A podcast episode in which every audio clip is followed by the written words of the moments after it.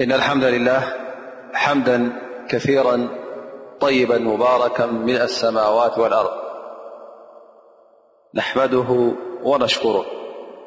حمدا يوافي نعمه ويكافي مزيده الحمد لله كله علانيته وسره الحمد لله أولا وأخيرا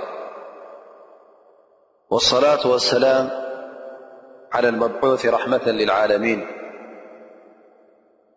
الهادي البشير النذير محمد بن عبد الله وعلى آله وصحبه ومن استن بسنته واقتفى أثره إلى يوم الدين وبعد كلهم سمعتنا السلام عليكم ورحمة الله وبركاته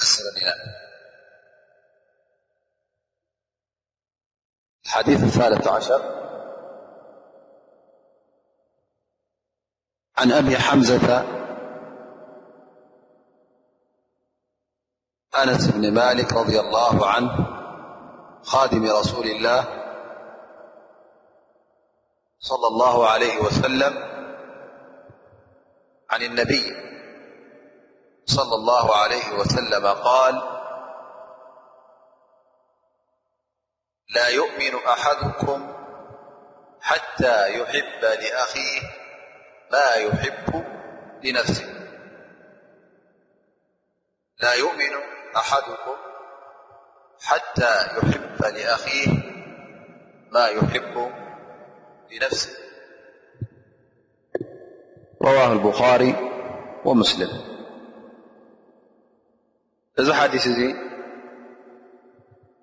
ሕፅር ዝበለ ትርጉም ክንብ እንተ ኮይና እነቢ صለ ላ ለ ወሰለም ይብሉ ፍፁም ዝኾነ ይኹን ሰብ ካባኹም ማለት እዩ ሙእሚን ክበሃል ኣይከኣልን እዩ ክሳዕ ንሓዉ ከምቲ ንነብሱ ልክዕ ዝፈትወላ ክፈትወሉ እንከሎ ሽዑ ዩ ሙእሚን ዝበሃል ይብል ነቢዩ ለ ላ ለ ወሰለም እዚ ሓዲ እዚ ሓፂር ሓዲ እወ ግን ዓብዪ ትንተና ዓብዪ ትርጉም ዝሓዘለ ኩሉ ጠቕላሊ ናይ ኣዳብ ር ናይ ሰናይ ጠባይ ናይ ሰናይ ስነ ምግባር ዝኣኻኸበን ዝጠመረን ስለ ዝኾነ ከመይ ጌርካ ምስ ካልኦት ሰባት ርክብካ ክትሰርዕ ከም ዘለካ እዩ ዝሕብር ዘሎ ስለዚ እዚ ሓዲስ እዚ ኩሉ ተግባር ይኹን ቃል ይኹን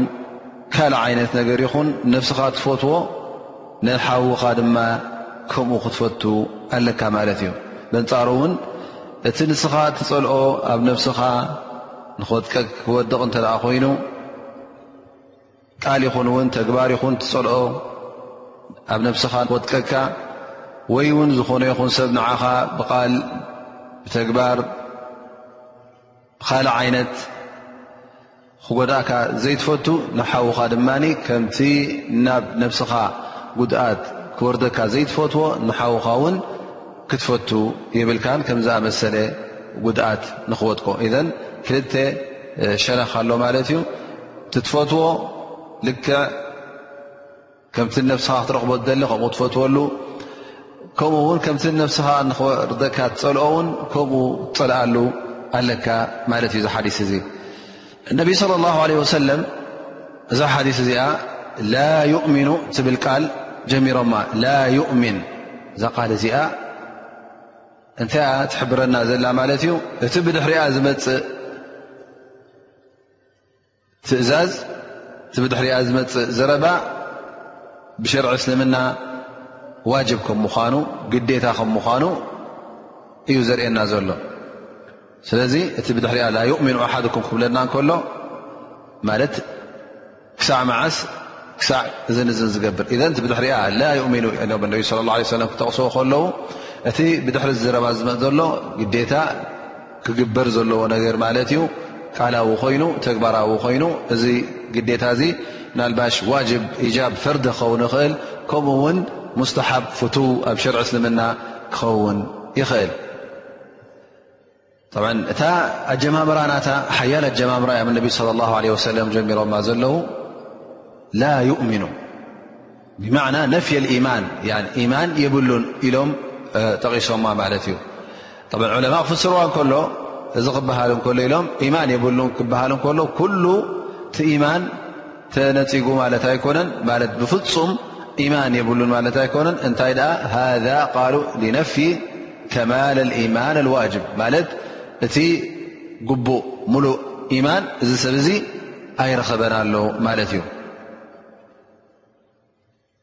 እዚ ሰብ እዚ እዚ ከምዚ ዝገብር ሰብ ወይ ከዓ እዚ እነቢ ስለ ላ ለ ሰለም ላ ይእሚኑ ዝብልዎ ዘለዉ መዕናሃ ትርጉሙ ማለት እቲ ኢማኑ ሙሉእ ኢማን ኣይኮነን ከምቲ ግቡእ ከምቲ ኣላ ስብሓን ወተዓላ ዝኣዘዞ ኢማን ኣይኮነን ማለት እዩ ድኣ እምበር እዚ ሰብ እዚ ካብ ኢማን ወፅኡ ናብ ክሕደት ሰጊሩ ማለት ኣይኮነን ፈዘን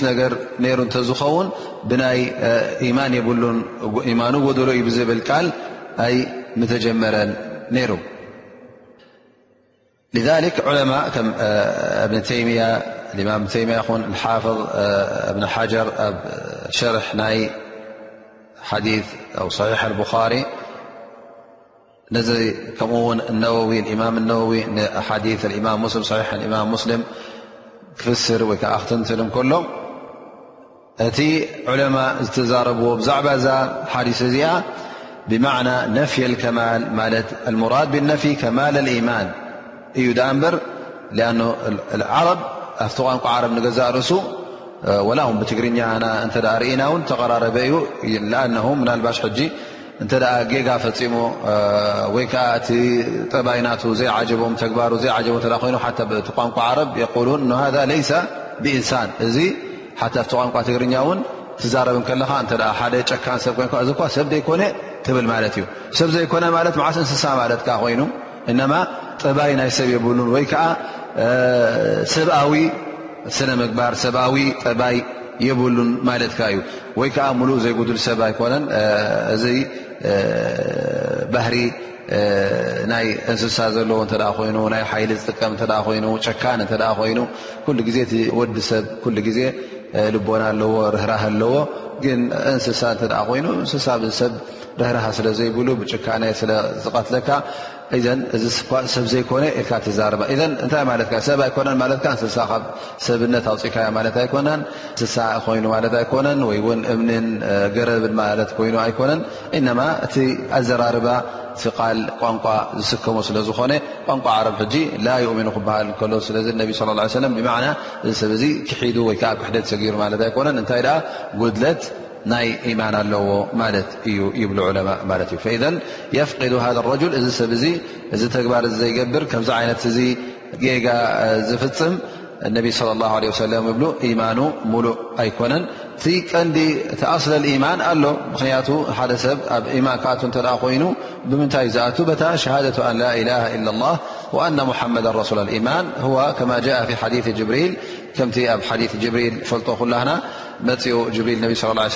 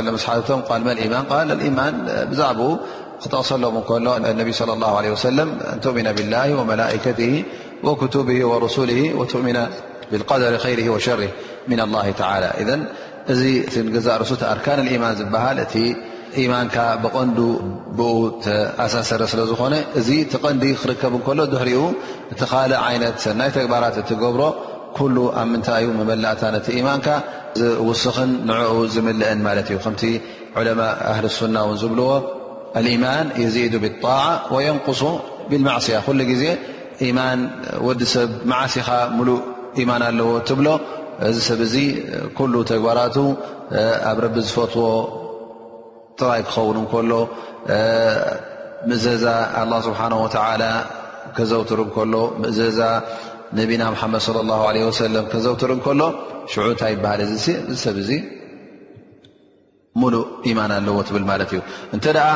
ካብዚ ትእዛዛት ኣላ ስብሓን ወተላ ካብ ትእዛዛት ነቢና ሓመድ ለ ላ ለ ወሰለም ክወፅእን ክሰግርን እተ ረኪብካዮ ድማ እዚ ምልክት ናይ ምንታይ ይብሉ ምልክት ናይ ضዕፈ ማን ድኽመት ናይ ማን ውሕደት ናይ ማን እዩ ይብሉ ማለት እዩ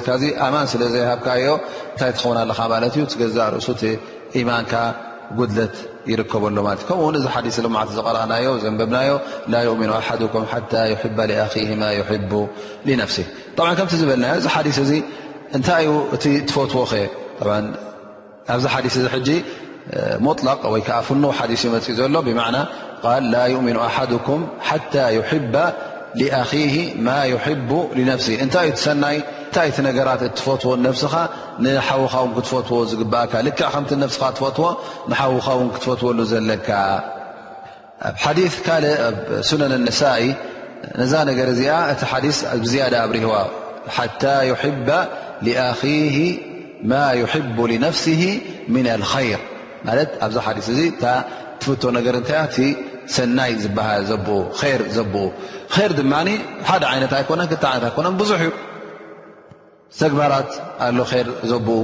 ቃላት ኣሎ ር ዘብኡ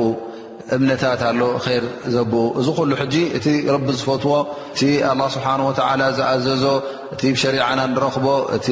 እውን ህወትና ጠቓሚ ዝኾነ ነገራት እውን ኩሉ እዚ እንታይ እዩ ዝበሃል እዚ ኩሉ ር ሰናይ ይቁፀር ማለት እዩ ስለዚ ከምቲ ነብስኻ ንስኻ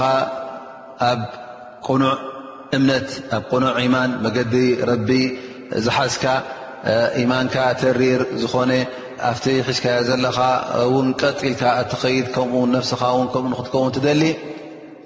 ሓውኻ ውን ልክዕ ከማኻ ብኣላህ ስብሓን ወተዓላ ዝኣምን በዓል ተሪር ኢማን ክኸውን በዓል ዓቂዳ ክኸውን እዚ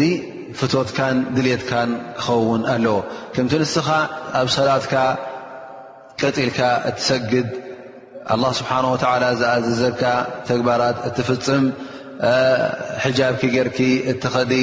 ጾምካ እትጸውም ኩሉ ኮታቲ ኣላ ስብሓን ወተላ ዝኣዘና ንስኻ ክትገብሮ ትደሊ እዚ ኩሉ ር ስለ ዝኾነ እቶም ካልኦት ኣሕዋትካ እውን ልክዕ ከምዚ ንስኻ ትደልዮ ዘለኻ ከምኡ ንክኾኑ ክትፈትወሎም ክትደልየሎም ኣለካ እንተ ደኣ እስኻ ኣብ ር ናነበርካ ከለኻ ግን ተሓውኻን እቲ ሰብን ኣብ ጥፍኣት ንኽነብሩ ሓራም ንኸገብሩ እንተ ትምነየሎም ትደልየሎም እተ ኮይንካ ጌና እቲ ኢማንካ ኣይፀረየን ኣሎ ማለት እዩ ወይ ከዓ ሕርኽራኽ ኣለዎ ማለት እዩ እዚ ኢማንካ እውን ተመሊስካ ፅቡቕ ጌርካ ክትዕዘቦ ኣለካ ምእንቲ ከምቲ ግቡእ ንኽዕረ ፈኢዘን እዚዩ እቲ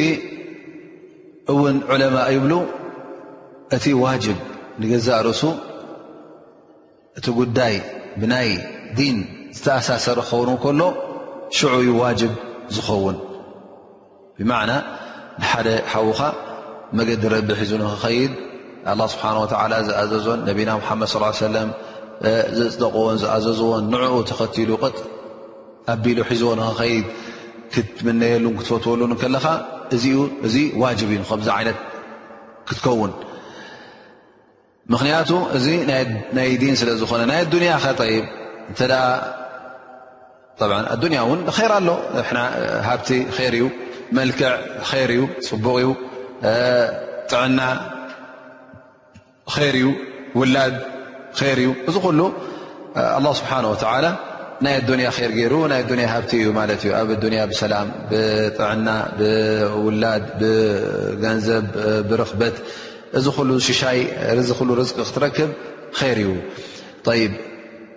ሃል ከምዚ ዓይነት እዚ ንሓውኻ ንክትፈትወሉ ዋጅብ ድዩ ዋጅብ ኣይኮነን ብ እዛ ሓዲስ እዚኣ ፍንው ሓዲስ እዩ ማለት እዩ ንኩሉ ዘማልአት እያ ላኪን ዑለማ እብሉ እቲ ር ናይ ዲን ክኸውን እንከሎ ግዴታ ዋጅብ ይኸውን ክትፈትዎ ዘለካ ንሓውኻ ንክረኽቦ እንተ ናይ ኣዱንያ ኮይኑ ግን ሙስተሓብ ይኸውን ይብሉ ማለት እዩ ሙስተሓብ ይኸውን ወለይሳ ብዋጅብ ንሓውኻ ማል ክትምነየሉ ከለኻ ገንዘብ ክትመነየሉ ከለኻ ሃብቲ ክትምነየሉ ከለኻ እዚ ሙስተሓብ እዩ ከምቲ ነፍስኻ ትፈትዎ ሃፍታ ንክትከውን ርቂ ሽሻይ ዘለካ ንክትከውን ኢትካ ርቂ ኣላ ስብሓን ወተላ ኢትካ ምልኡ ንክገብሮ እዚታት ንክትፈትዎ ለጋስ ንክትከውን ንስኻ ነፍስኻ ትፈትዮኻ ካልእ ሰብ ን ለጋስ ክኸውን እተ ትፈት እዚ ሙስተሓብ እዩ ይብሉ ማለት እዩ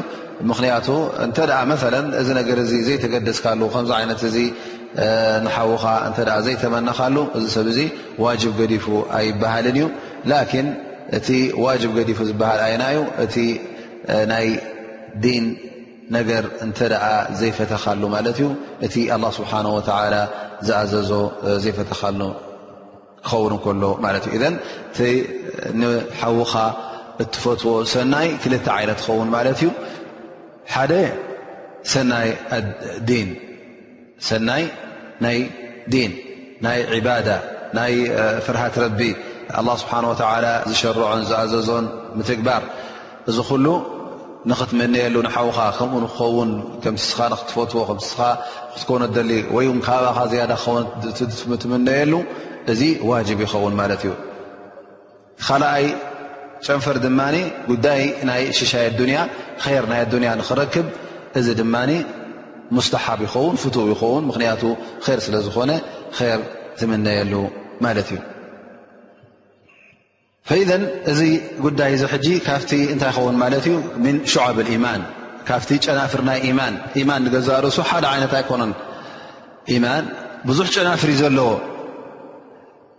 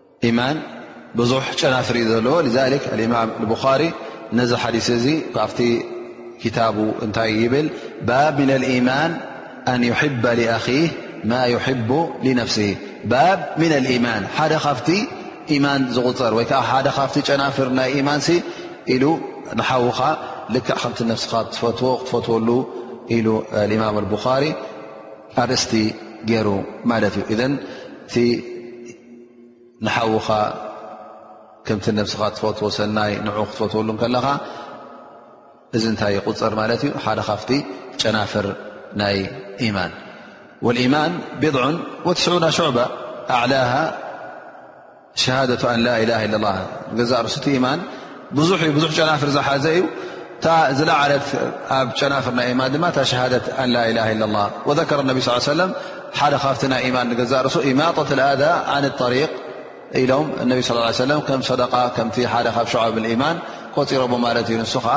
ካብ መገዲ ካብ እግሪ መገዲ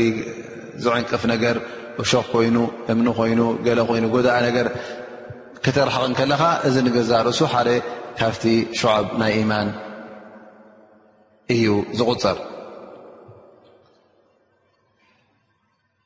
እዘን እዚ ሓዲስ እዚ እንታይ እዩ ዘርእየና ዘሎ ንሓውኻ ኩሉ ኼር ዘብኡ ንኽትፈትወሉ ሓደ ካፍቲ ጨናፍር ናይ ኢማን ከም ምዃኑ በሪሁልና ማለት እዩ ብዝከኣለካ መጠን ድማ ናብዚ ጥራይ እሱ ፈቲኻ ክበሃል እንከሎ ብ እዚ ናይ ልቢ ጉዳይ እዩ ብልብኻ ትፈትዎ ከምኡ ውን ፈቲኻ ውን ኣብ ግብርኻ ኣብ መልሓስካ ክረአ ኣለዎ ንኣብነት እተ ሓደ ሓዉኻ እጋገ ሎ ኮይኑ ኣብቲ ናይ ዲኑ ጉድለት እተ ኣለዎ ኮይኑ ክትመኽሮ ክትነስሖ እዚ ግዴታ ይኸውን ማለት እዩ ምክንያቱ እንታይ ኣ ር ንክገብር ፈት እየ ትብል ዝሓወይ ዚ ር ንክገብር ፈት እየ ክትብል ከለኻ ኣበሎ ዳኣቲ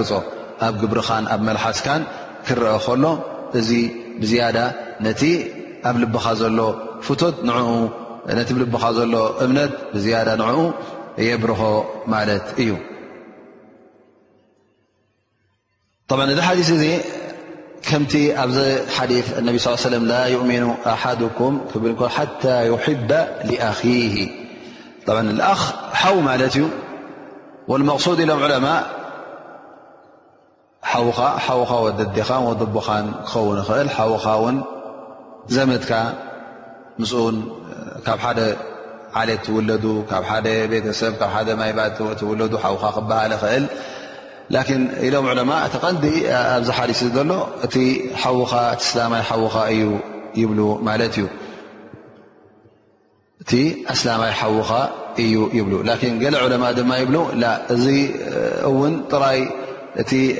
ኣስላማይ ጥራይ ኣይኮነን ወላ ውን ንዝኾነ ይኹን ሰብ ወላ ውን እቲ ካፍር እተኸሓደ ውን ካብቲ ዘለዎ ክሕደት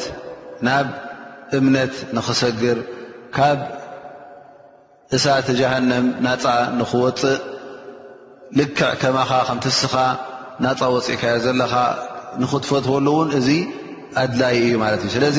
እቲ ር ኣስላማይ ኩሉ ግዜ ጥራይ ነቶም ኣስላም ኣሕዋት ይኮነ ነቶም ዘእስላም እውን ር ይምነየሎም እዩ ር ይደሊ ይፈትወሎም እዩ ካብቲ ጥፍኣት ዘለዎ ካብቲ ክሕደት ወዲቖሞ ዘለዉ ካብኡ ወፂኦም ካብቲ መገዲ ፀልማት ናብ መገዲ ብርሃን ንክሰግሩ ካብ መገዲ ጥፍኣት ንመገዲ ሓቂ ሒዞም ንክኸዱ መጨረሽተኦም እውን መዓልቦኦም እውን ኣብ ክንዲ ንእሳት ጀሃንም ንስቓይ ዝኸውን ንጀና ንገነት ንክኸውን እዚ ፍቶትካ ክኸውን ኣለዎ ስለዚ ይብሉ እዛ ሓዲስ እዚኣ ሓታ ዩሕባ ሊኣኺ ክብሉ ከሉ ነቢ ስ ሰለም ሊኣኺህ ልእንሳን ነቲ ሰብ ከምኡ ሓዉ ንዕኡ ኼር ክፈትወሉ ከም ዘለዎ ትሕብረና ማለት እያ ይብሉ ማለት እዩ ፈኢዘን ንዅሉ ኣካቢት እያ ንዅሉ እውን ምኽንያቱ እቲ ዳዕዋ እቲ ር ንዅሉ ንደልዮ ስለ ዝዀና እቲ እስላማይ እውን ር ናብ ኵሉ ክበፅሕ ስለ ዝደሊ እቶም ዝኣበዩ ባዕሎም ፈልጡ ላኪን ንስኻ ኣንታ እስላማይ እቲ እምነትካን እቲ ተልእኾኻን ኩሉ ግዜ ንኼር ስለ ዝኾነ ንኹሉ ዓለም ር ክትፈትወሉ ኣለካ ካብቲ ወዲቕዎ ዘለውን ክትስእን ካብቲ ዘለዎ ህልቀት እውን ንኽሓዊ ድልትካ ክኸውን ኣለዎ ፍትወትካ ክኸውን ኣለዎ ጠይብ ካብዚ ምዚ ተኣሳሰረ ጉዳይ ምናልባሽ ሓንቲ ነጥቢ ክንጠቕሳ እንኽእል ብ ቋንቋ ዓረብ ይብልዎ መስኣለት ኢታር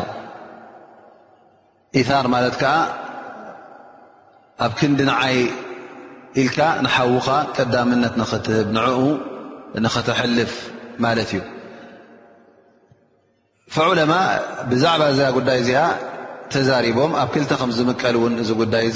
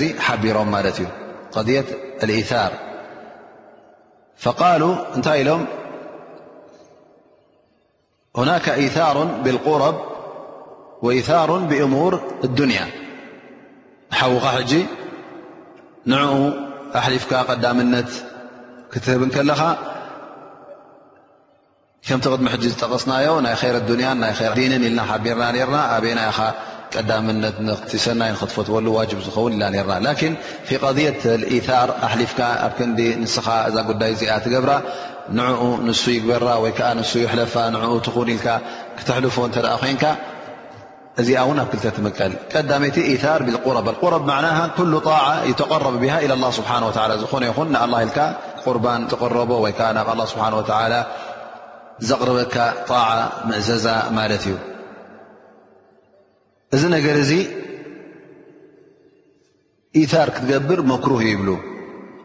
ኣብዚ ጉዳይ እዚ ኣብ ጉዳይ ናይ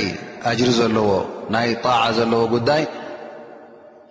ኣብ ክንዲ ኣነ ዝገብሮ ሓወ ይግበረልካ ክትገድፎ እዚ መክሩህ እዩ ይብሉ ማለት እዩ ምክንያቱ ኣላ ስብሓን ወተላ ኣብ ቁርን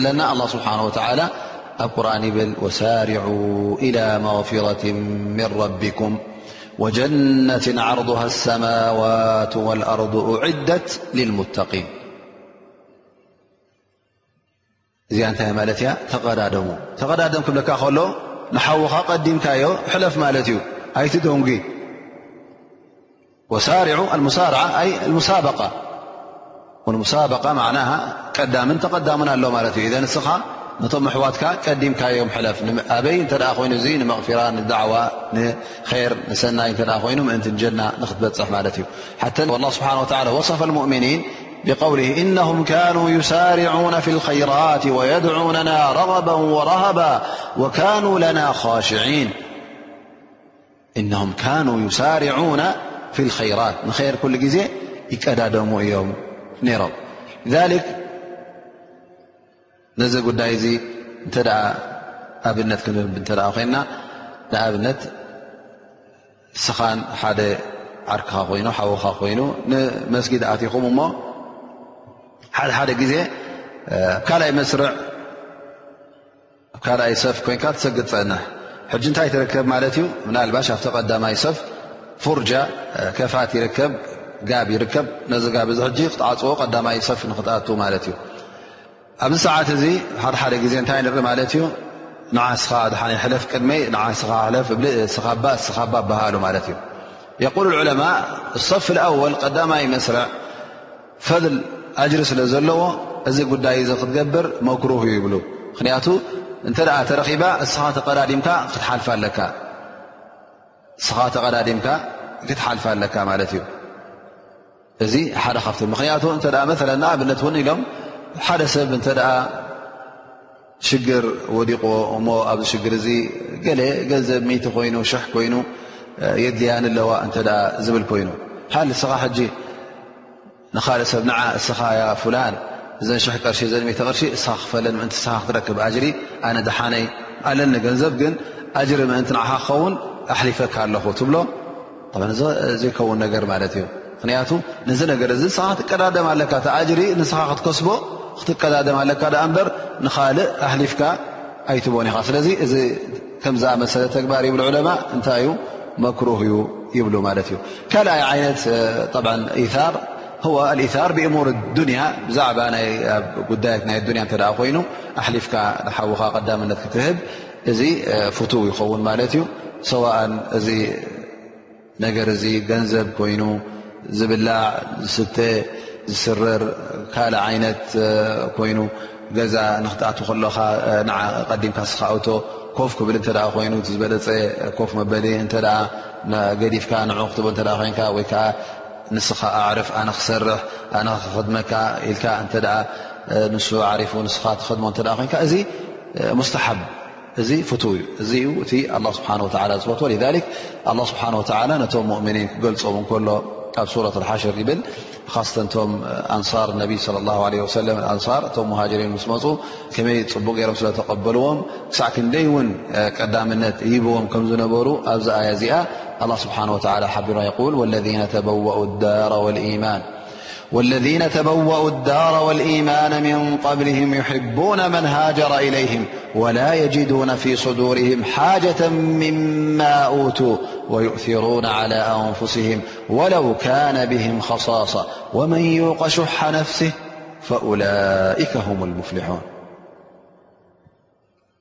ኣብዚ ኣያ እዚኣ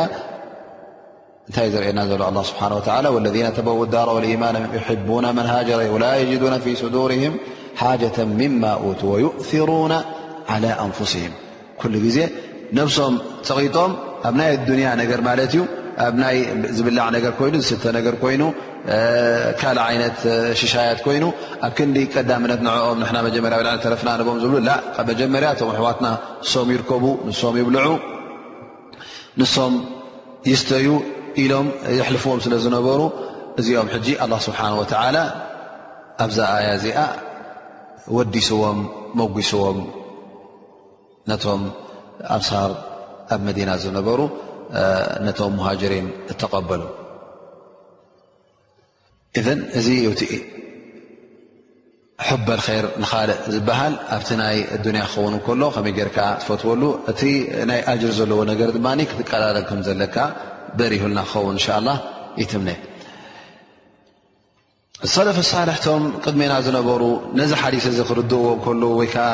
ከም ዝኣመሰለ ተግባራት እውን ኣብ ግብሪ ክውዕልዎ ከለዉ እተ ክንዕዘብ ኮይና ትምልስ ኢልና ኣብ ገለገለ ኣሓዲ ንረኽቦ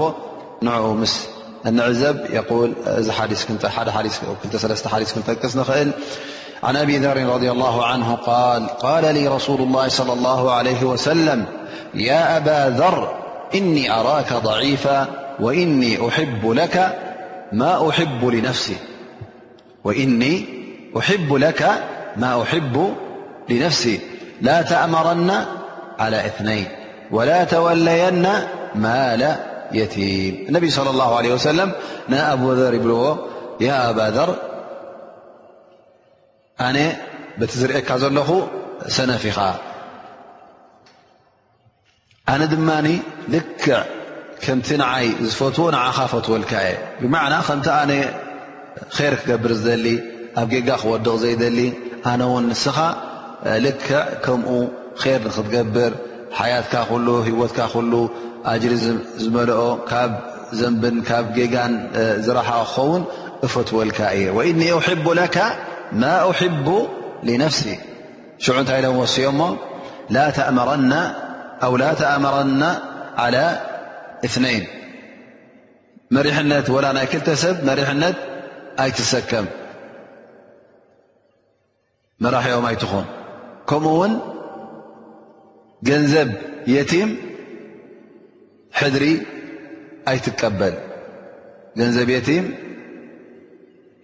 ሕድሪ ኣይትቀበል ወይ ከዓ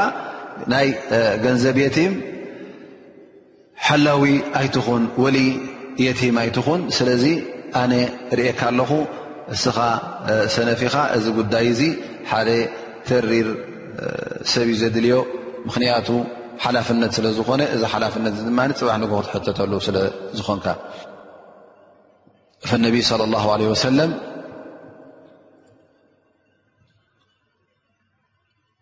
ኣብዚ ሓዲስ እዚ እንታይ የርእዩና ኣለዉ ቀዳማይ ነገር ነቶም ብፆቶም ነቶም ሰዓብቶም ልክዕ ከምታ ነብሶም ር ዝፈትውላ ዝነበሩ ውን ር ይፈትልዎም ከም ዝነበሩ እሱ ስለ ዝኾነ ድማ ኩሉ ግዜ ንመገዲ ኼር ይሕብርዎም ነይሮም እንተ ደኣ ገለገለ ገበናት ርኦም ገበን እዚ ገበን እዩ እዚ ጌጋ እዩ ኣይትግበርዎ ይብልዎም ወስያ እናሃቡ ሕድሪ እናሃቡ ድማ ከምዚ ንኣብዘር ዝብዎ ዝነበሩ እቲ ኣብ ልቦም ዝነበረ ፍቕርን ፍቶትን እውን ኣብ ተግባር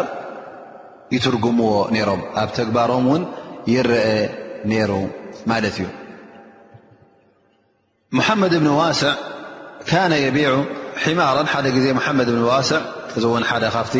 ነዚ ሓዲስ እዚ እቶም ቅድሜና ዝነበሩ እቶም ሰለፍ ሳልሕ ዝነበሩ ከመይ ገይሮም ከም ዝተርጎምዎን ከም ዘተግበርዎን ክንርኢ እንተ ኮይና እዚ መሓመድ እብኒ ዋስዕ ዝበሃል ኣድጊ ነይርዎ እዚ ኣድግናቱ ንክሸጦ ዕዳጋ ወሪዱ ማለት እዩ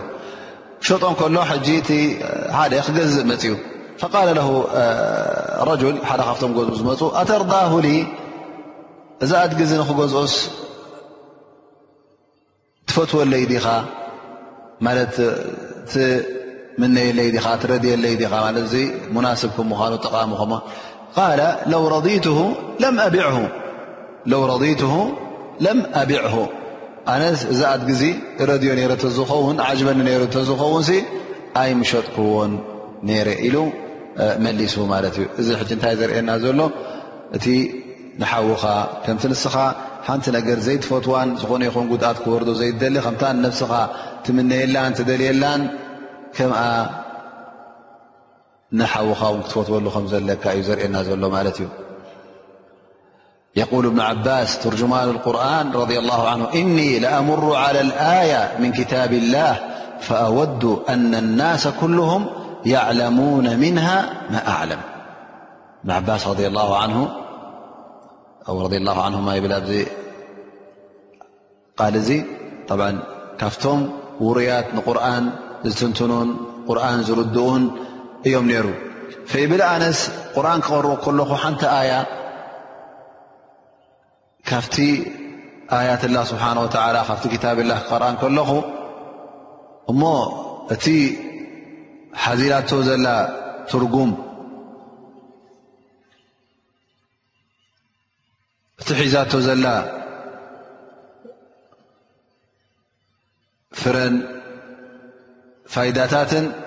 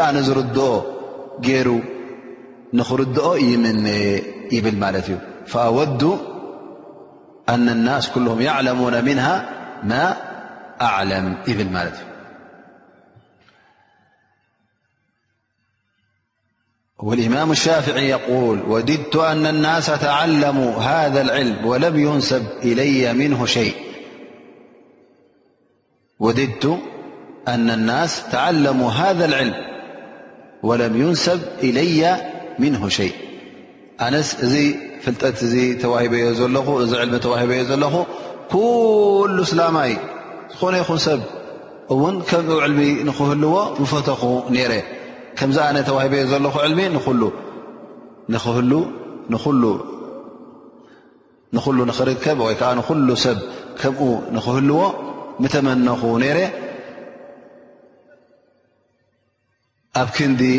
ቃለ ሻፍዒ እማም ሻፍዒ ከምዚ ኢሉ ከምዚ ኢሉ ኢሉ ናባይ ኣብ ክንዲ ዘፀግዑዎ ኣነ እዚ ትምኒተይ ኣይኮነን ኩሉ ድኣ ከማይ ክኸውን እየ ዝደሊ ድኣ እምበር ሽመይ ንኽጥቀስ ድልየተይ ኣይኮነን ይብል ነይሩ ማለት እዩ እዘን እንታይ ዝርእየና እዚ ንቲ ር ጥራይ ነብሶም ኣይኮኑን ልክዕ ከምቲ ነብሶም ፈትዮሞ ዘለዉ ንኣሕዋቶም እውን ይፈትውሎም ከም ዝነበሩ እዩ ዝርእየና ማለት እዩ እዘን ኣስላማይ ኩሉ ግዜ ኣብ ልቡ ቅርሕንቲ ዝበሃል የብሉን ልቡ ፃዕዳ ኩሉ ግዜ ልቡ ካብ ሓሰድ ይኹን ካብ ካልእ ዓይነት ቅርሕንቲ ንፁህን ፅሩይን ንደቂ ሰብ ር ዝፈቱ ንኣሕዋቱ ር ዝደሊ ጥራይ ንዓይ ዘይብል ከም ምኳኑ እዚ ሓዲስ እዚ የረድኣና ማለት እዩ ስብሓና ላህ እዚ ሓዲስ እዚ ብዙሕ ጥቕምታት ኣለዎ ብዙሕ ፋይዳታት ኣለዎ ኣኑ ሓተ ነቢይ ለ ላ ለ ወሰለም እዚ ሓዲስ እዚ ብዓባይ ቃል ዮም ጀሚሮሞ ማለት እዩ እሳ ከዓ ላ ይእሚኑ ኣሓድኩም እዘ እዚ ክበሃል እንከሎ እንተ ነዚ ሓዲስ እዚ ኣተግቢርናዮ እሞ ኸዓ ከምቲ ልክዕ ንስኻ ደቂ ሰብ ንዓኻ ክገብሩልካን እቲ ሙዓመላ ናቶም እውን ንዓኻ ኩሉ ግዜ ሰናይ ሙዓመላ ክኸውን እትፈትዎ ልክዕ ንስኻ ውን ነቶም ሰብ ምስኦም ትራኸብ ከለኻ ርክባት ምስኦም ክትፍፅም ከለኻ ልክዕ ከምቲ እስኻ ንዓኻ ብሰናይ ክቕበሉኻ ብሰናይ ዘረባ ብሰናይ ተግባርን ክቕበሉኻ ትምነዮ ንዕኦም ውን ንስኻ ብሰናይ ቃልን ብሰናይ ተግባርን ርክብካ ከተትርር ኣለካ ማለት እዩ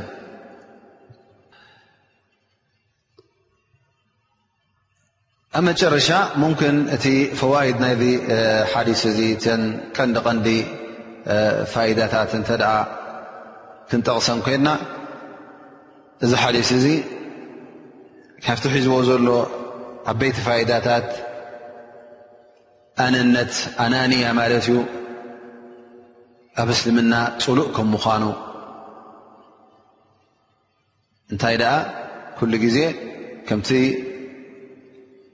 ሓደ ሰብ ር ነፍሱ ዝደልየሉ እቲ ር ናብ ኩሉ ክበፅሕ ኣብ ኩሉ ክዝርጋሕ ይፈቱ ማለት እዩ እዚ ድማ ኣብ ልብኻ ቅርሕንቲ ክህልወካ የብሉን ሓሰድ ክህልወካ የብሉን ፅልኢ እውን ክህልወካ የብሉን እዚ ኩሉ ትስልምና ዝፅውዖን ዝደልዮን ይኸውን ማለት እዩ ካልኣይ ፋይዳ ውን ንወስዶ እንተ በዚ ሓዲስ እዚ ወይከ ነዚ ሓዲስ እዚ ኣተግቢርና ድማ እቲ ህብረተሰብና እስላማዊ ህብረተሰብ ኩሉ ግዜ ተፋቀረን ተፋተወን ክኸውን እዩ ከምኡ ውን ከም ሓደ ኣካል ኮይኑ ክተኣሳሰር እዩ ማለት እዩ ከማ ቃል ነቢ ስ ሰለም ተራ ሙእምኒና ፊ ተዋድህም ወተራሑምህም መሉ ጀሰድ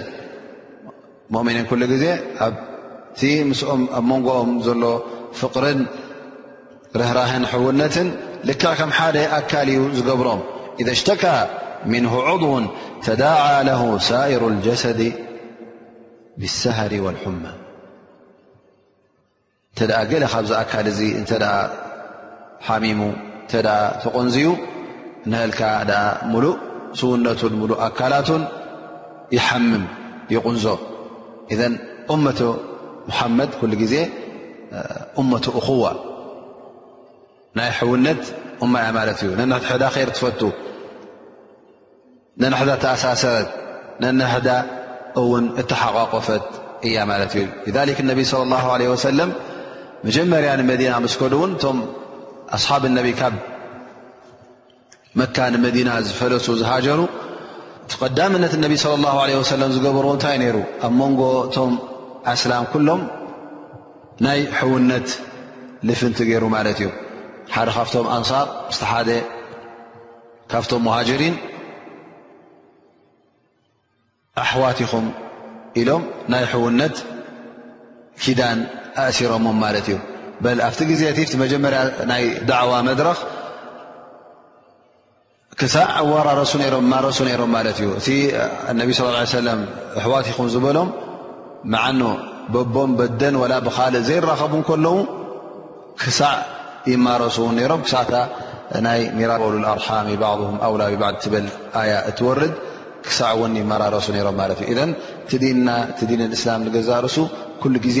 ምትሕቋፍን ምልዛብን ሕውነትን ነንሕትካ ር ምድላይ ነንሕትካ ሰናይ ምፍታው ካብቲ ቀንድታት ናይዚ ዲን ኮይኑ ንረኽቦ ሃብቲ ኣብዚ ሓዲስ እዚ እውን እንርድኦ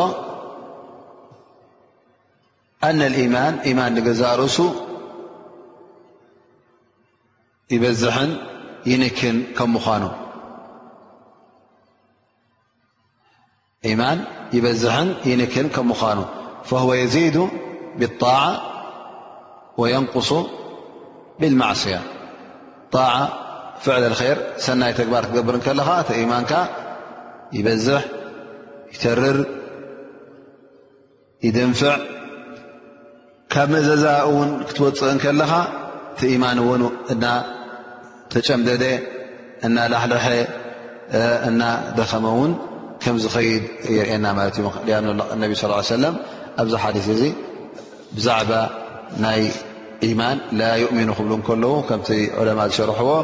ነፍዩ ከማል ልኢማን ስለ ዝበሉና ምልኣት ናይ ኢማን እዮም እነቢ ስለ ላሁ ለ ወሰለም ነፂጎም ድኣ እምበር ብኩሉ እቲ ኢማን ኣይነፀግዎን ኢሎም ስለ ዝተንተንዎ ብማዕና እቲ ኢማን ንገዛ ርእሱ ደረጃታት ከም ምኳኑ ተሪር ኢማን ኣሎ ብዙሕ ኢማን ኣሎ ድኹም ኢማን ሰነፍ ኢማን እውን ከም ዘሎ ኣብዚ ሓዲስ እዚ በሪሁልና ማለት እዩ نيلم معت درسنا إن شاء الله حر حدث ي بذي ي دمدم س الله سبحانه وتعالى أن ينفعنا بما سمعنا وأن يعدمنا ما ينفعنا وجزاكم الله خير خوان على حسن استماعكم